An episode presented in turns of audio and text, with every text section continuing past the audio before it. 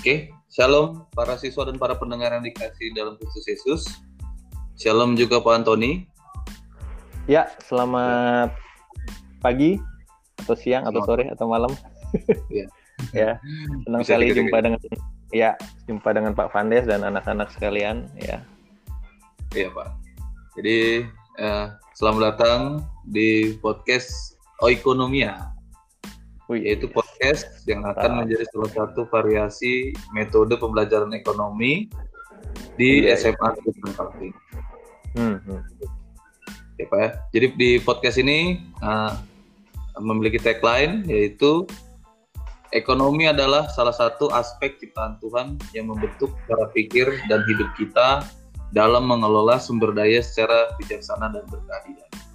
Iya. Nah, bisa Pak Vandes, saya pengen jelasin dulu nih kenapa tagline kita seperti ini nih. Ya, Pak.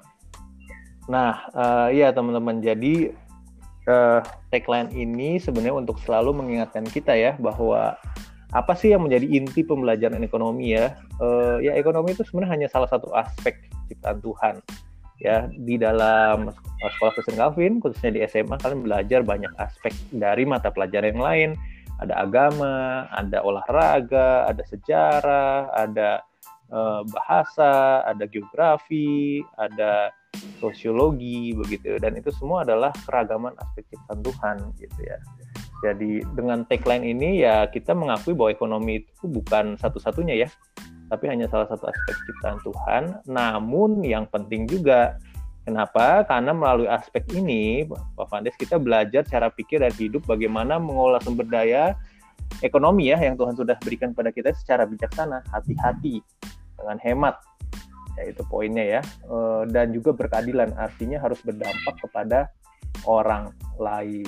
Itu sih mungkin ya. Jadi selalu tagline ini ada kan ada di setiap podcast oikonomia kita untuk mengingatkan spirit kita semangat kita di dalam kita belajar ekonomi gitu Pak Vandes ngomong-ngomong Iya. Pak Vandes eh, kenapa pakai podcast sih Pak Vandes kita sekarang kira-kira kenapa tuh Pak, Pak Vandes Ya, seperti yang tadi Pak sebenarnya sudah sampaikan juga Pak. Ya, untuk sebagai variasi uh, metode pembelajaran sih Pak. Jadi uh, uh, bagaimana menjelaskan nanti tentang materi-materi ekonomi uh, secara ringan gitu Pak ya. Mungkin kalau selama ini kan kalau di kelas tuh terlalu formal, mungkin jadi bikin ngantuk. Iya. Mungkin dengan dengan suasana ngobrol kayak gini jadi lebih santai, lebih dapat betul, Iya. betul. gitu Pak ya. Tapi tetap mungkin sambil sambil gitu. masak bisa dengerin di podcast kita ya pak ya mungkin teman-teman ada yang sambil masak Iya. bahkan jangan-jangan ada yang sambil merenung di toilet juga bisa dengerin podcast kita nih kawan Iya Pak. Juga di mana aja. Jadi fleksibel juga gitu Pak.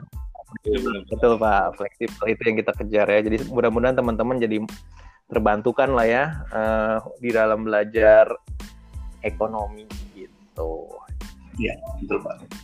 Oke. Ya, ya. Eh, jadi di podcast kita ini nanti ada tiga segmen apa ya? Yaitu segmen Yap, pembuka, ya, ya, betul betul Mm-mm. segmen isi, dan segmen penutup. Ya, Nah, di segmen betul. pembuka ini eh, mungkin eh, saya akan memberikan sedikit pengantar ya Pak ya.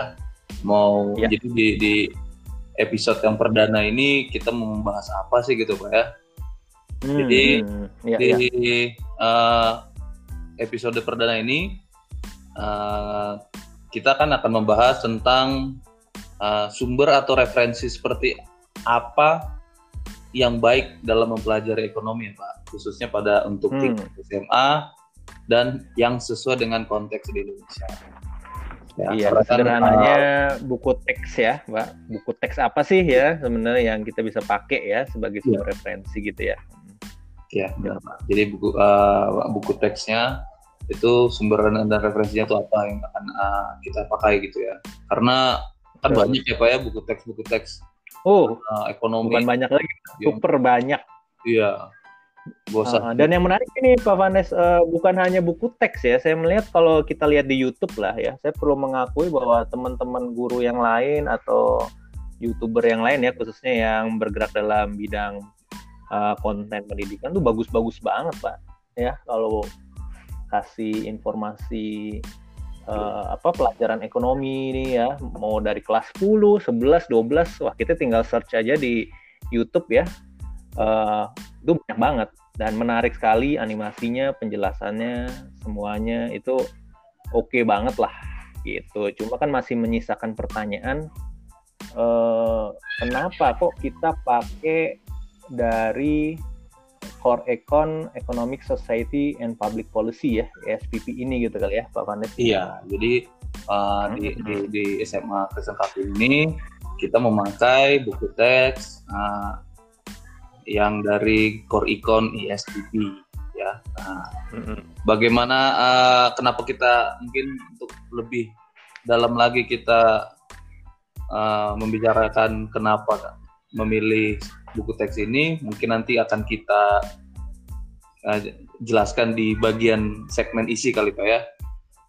Oke, segmen berikutnya nih ya Pak Vanes ya. Hmm, Berarti ya kita masuk ke kenapa core econ SPP gitu ya. Iya, oke okay, Pak. Iya. Nah, ya mari kita masuk ke segmen bagian isi. Oke. Okay. Oke, Pak.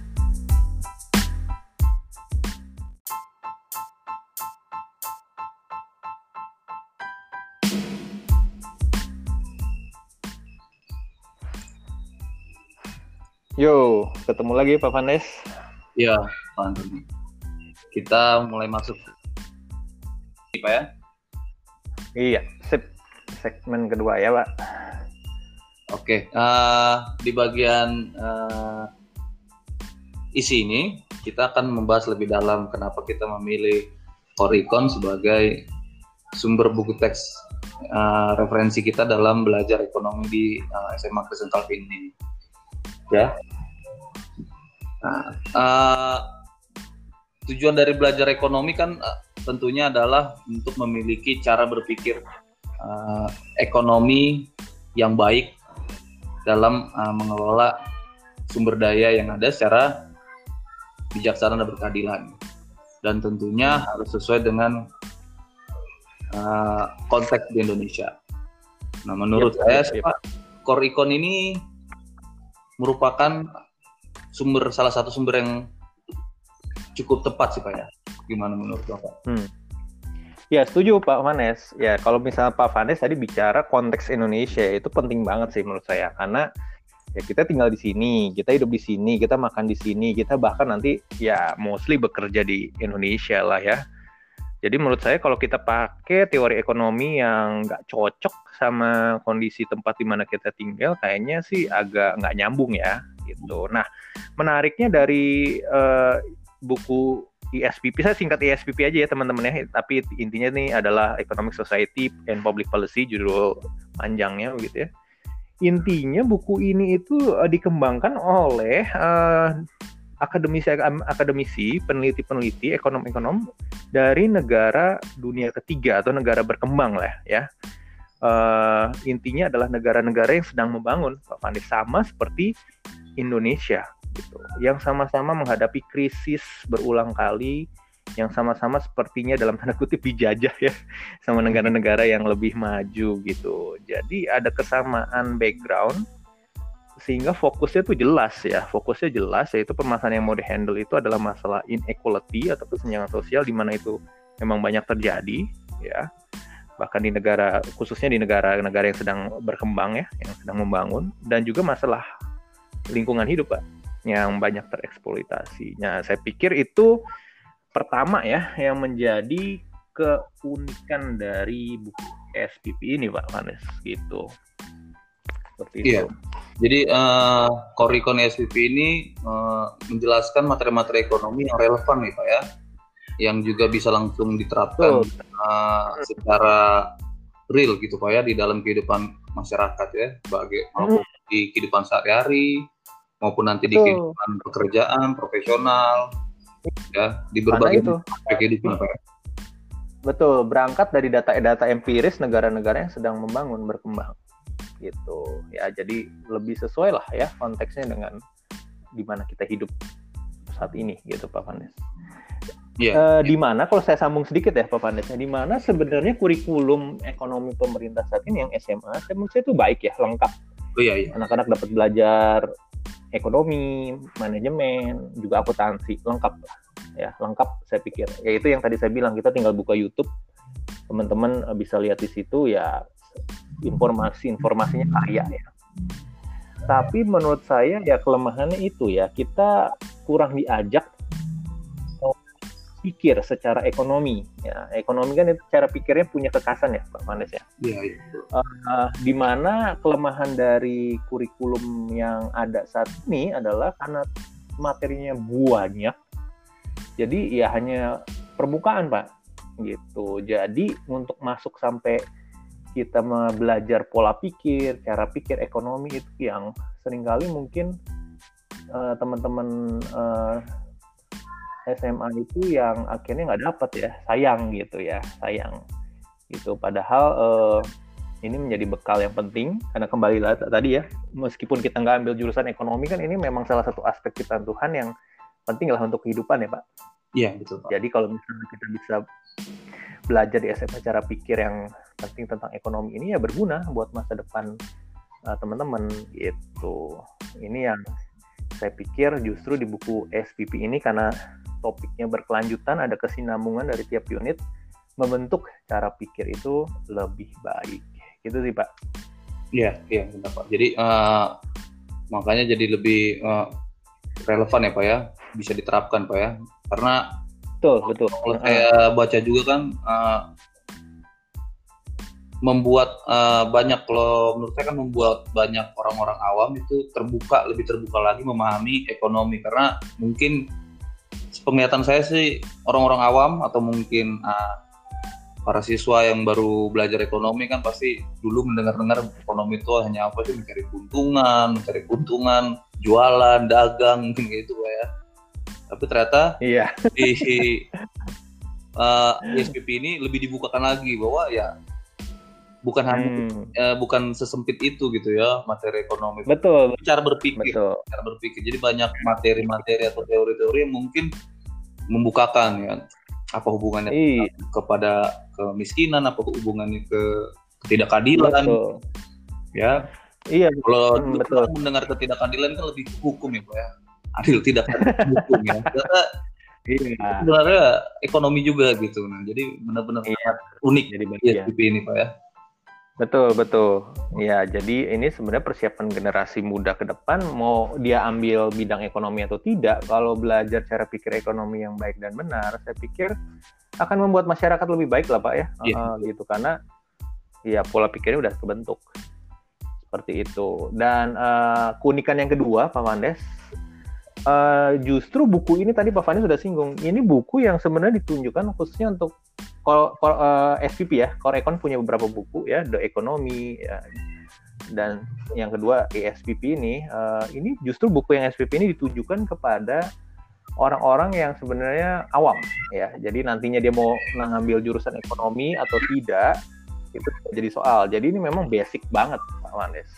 Dan itu pas banget sama teman-teman uh, eh, SMA gitu. Ini poin kedua yang menjadi keunggulan dari buku ini gitu Pak. Iya, iya benar Pak. Jadi uh, buat siapa pun ya kita mau belajar sebagai ahli ekonomi walaupun ahli ekonomi dan bukan ahli ekonomi nantinya di dalam hidup kita pasti ada ekonomi ya Pak ya. Iya. sederhananya kita butuh makan Pak ya. Iya.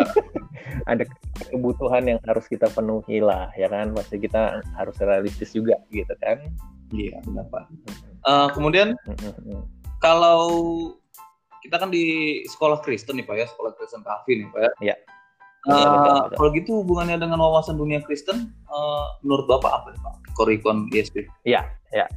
Nah ini pertanyaan yang menarik ya, penting banget nih, uh, Pak Fandis, thank you. Jadi memang uh, core econ ini atau SPP ini dikembangkan oleh teman-teman dari Oxford ya Pak, Inggris ya yang mengumpulkan akademisi dari berbagai penjuru dunia khususnya tadi ya dari negara dunia berkembang, dunia ketiga untuk mendevelop materi-materi sehingga relevan ya kata kuncinya.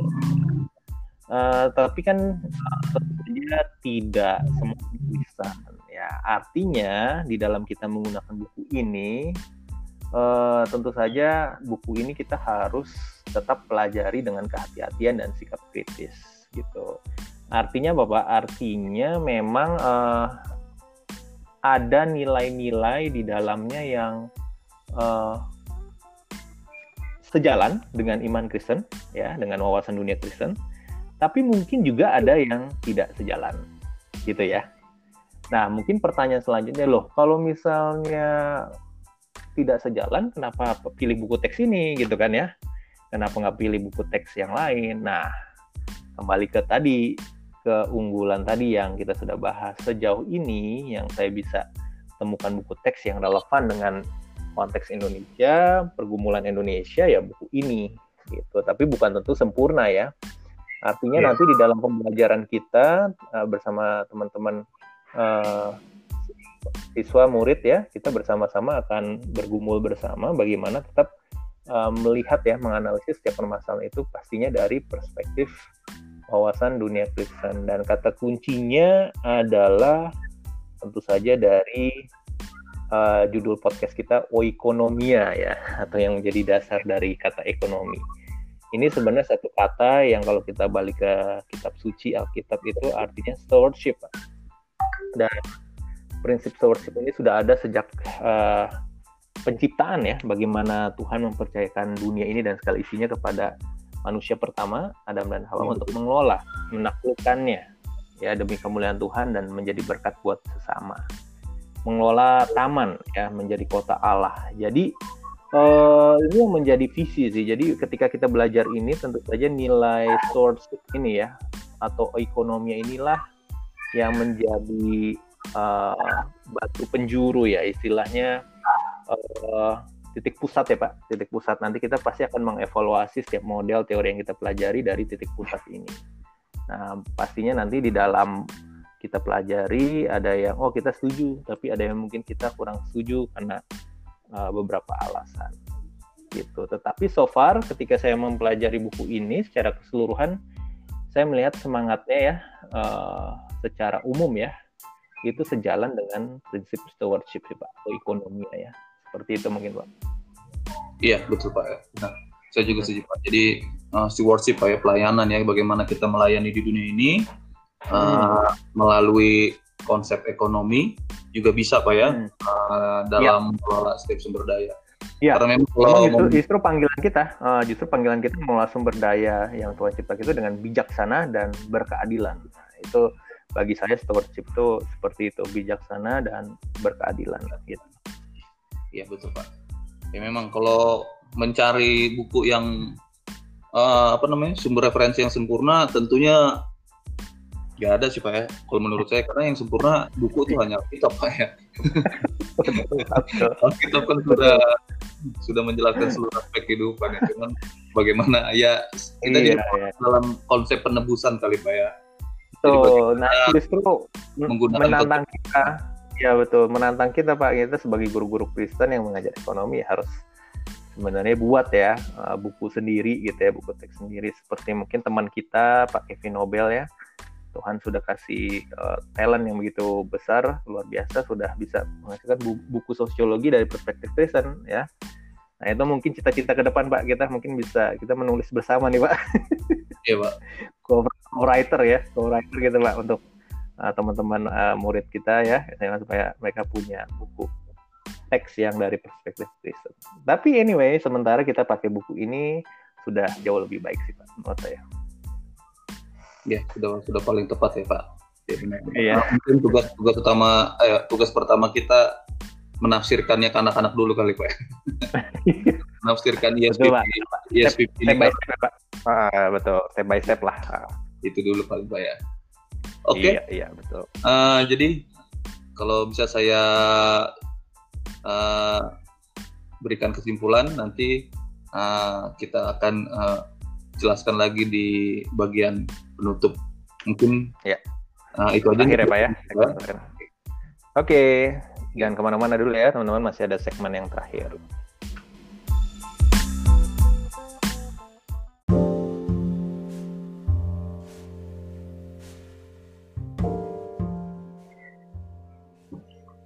Halo, Pak. Iya. Pak Vandes, jumpa lagi nih. Ya Pak. Kita masuk ke segmen terakhir Pak ya. Ya, oke. Okay. Segmen terakhir kita ya untuk episode awal ini. Oke. Okay. Oke, oke. Kita masuk ke dalam segmen terakhir yaitu segmen penutup. Nah, di segmen penutup ini uh, uh, kami akan menyimpulkan. Jadi sebenarnya kenapa kami memilih sumber buku teks dari Core Econ ISPP ini pertama mungkin kalau yang tadi yang saya tangkap dari hasil pembicaraan kita adalah pertama adalah buku ini adalah buku yang paling relevan dengan konteks di Indonesia ya Pak ya. Jadi ya, uh, buku ini buku ini isinya untuk membahas bagaimana cara berpikir ekonomi yang bisa diterapkan di negara-negara berkembang karena Indonesia merupakan masih negara berkembang ya Pak ya. Iya. Kemudian betul, betul. Uh, buku teks Kondisi SPP ini juga uh, bisa dipelajari oleh orang awam sekalipun. Jadi uh, apalagi untuk uh, SMA ya, apalagi berarti uh, sangat cocok ya karena uh, orang awam aja bisa gitu. Jadi bukan bukan merupakan buku teks yang sebenarnya sangat rumit, bukan malah di sini uh, ada alur yang jelas, ada alur yang hmm. bisa membukakan pemikiran kita bahwa bagaimana cara berpikir ekonomi yang uh, bijaksana dan berkeadilan tersebut. Betul, Seperti betul. Itu, ya. Mm-hmm. Dan yang terakhir mungkin uh, konteksnya juga paling tepat. Uh, bagaimana uh, sesuai dengan wawasan Kristen, bagaimana kita melayani, memberikan hidup kita uh, untuk mengelola sumber daya yang ada di sekitar kita dengan cara berpikir ekonomi yang benar pak ya, ya sesuai dengan uh, wawasan dunia Kristen. Yap, yap.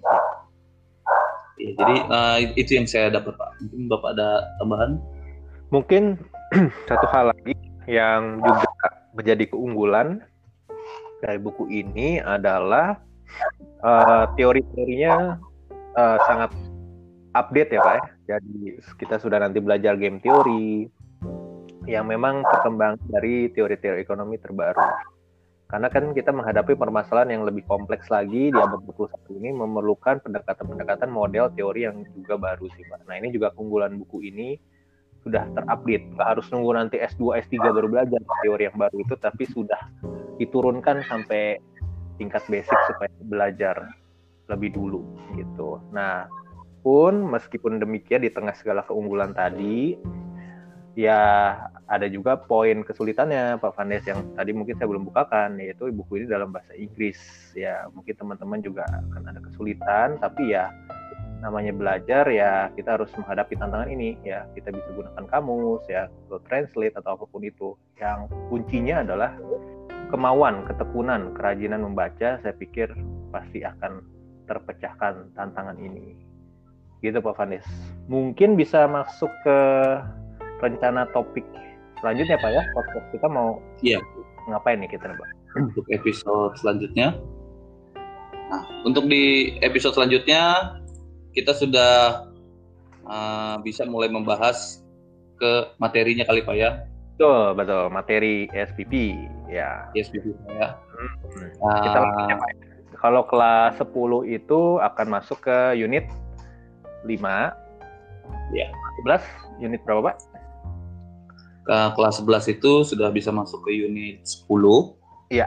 Dan kelas 12 12 juga unit 10 unit juga 10. Oh, iya, betul. Dan kita sudah Gimana nanti Ah, gimana Pak? Gimana nanti setiap setiap unitnya itu nanti kira-kira ada tiga podcast ya, tiga dua ya, sampai tiga podcast. Dua sampai tiga podcast lah. Jadi kita kita kita menampung aspirasi dari uh, teman-teman juga kemarin yang kasih masukan jangan terlalu cepat ya Pak ya gitu. Jadi kita coba perlambat, setiap unit kita coba uh, bagi ya menjadi dua sampai tiga kali gitu ya, uh, baru nanti masuk ke ke, ke pertemuan berikutnya, ke unit selanjutnya. Ya, yeah.